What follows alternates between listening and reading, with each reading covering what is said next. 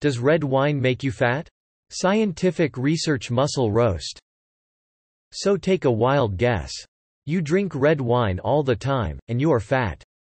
Yes you can argue that diet matters a lot, and in order for red wine to make you fat, you have to drink a lot of it, and also have a bad diet, and don't exercise. Well that is simply wrong. Why? Because depending on your age, many different factors can come into play. These factors may be metabolism, metabolism, and once again, metabolism. It doesn't take much for you to gain weight when you get older. A few extra calories on a daily basis will not be burned off like they used to be when you were in your 20s. Also keep in mind that if you are a guy, girls don't really like fat guys, and that goes for women as well. Yes it might be mean, but it's true. It's also often a conversation topic while drinking with friends what's the least caloric drink I can drink, or Does wine make me fat? You go through the list of cocktails, beers and wines and try to figure out which drink is the best for your lips and worst for your hips. There are plenty of theories as to what alcoholic drink is the healthiest of all. Cocktails, and this depends very much on the cocktail, are usually the drinks that will keep you in the gym an extra few hours a week. The sugar content, addition of sodas and juices usually make these quite high in calories. A Long Island iced tea can even reach up to 800 calories per cocktail. Beer is known to form a bit of a belly, hence the term beer belly as it too is quite caloric in nature. And who can stop at just one beer? Can wine make you fat? Then we get to wine. Wine is indeed the best alcoholic drink for anyone who is watching their waistline. But the question remains, can wine make you fat? The simple answer is, Yes, if you drink too much of it too often of the time.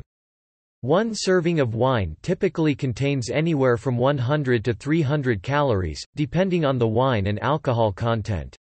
The higher the alcohol content, the more caloric the wine can be thanks to the sugars. But do keep in mind that the higher the alcohol content, the more likely you are to drink your wine slowly. This makes it less likely to chug your alcohol as you would a low alcohol content, cold glass of beer. There is another plus side to drinking red wine. Studies show that thanks to resveratrol, a chemical compound found in red wine, you may be able to skip the gym and drink wine instead. Resveratrol helps increase the metabolism so much so that a glass of wine may be the equivalent of an hour at the gym. Does red wine make you fat? Here are some more facts. Calories, carbohydrates, fat and protein. Alcoholic beverages like red wine contain empty calories. Most of the 125 calories in a single glass come from sources with little or no nutritional value. These sources include 15.6 grams of alcohol and 3.8 grams of carbohydrates.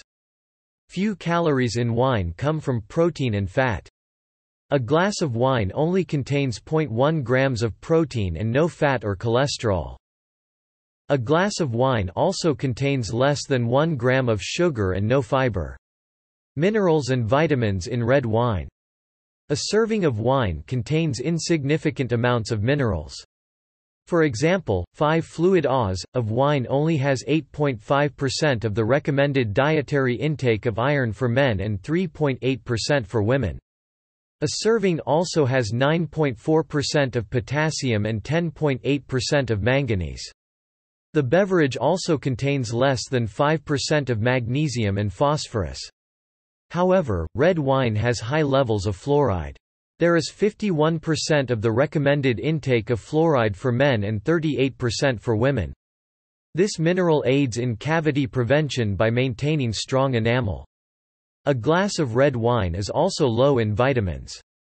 There is only 6.5% of the recommended dietary intake of vitamin B6 and 4% of riboflavin. Red wine contains less than 1% of other vitamins. Antioxidants in red wine. There are two types of antioxidants in red wine, flavonoids and non-flavonoids. Research suggests that these antioxidants may help prevent heart disease by raising good cholesterol and lowering the risk of artery damage. Resveratrol, a nonflavonoid, comes from the skin of grapes and is believed to reduce blood clots that cause heart attacks and strokes. This is just advice, do whatever the hell you want.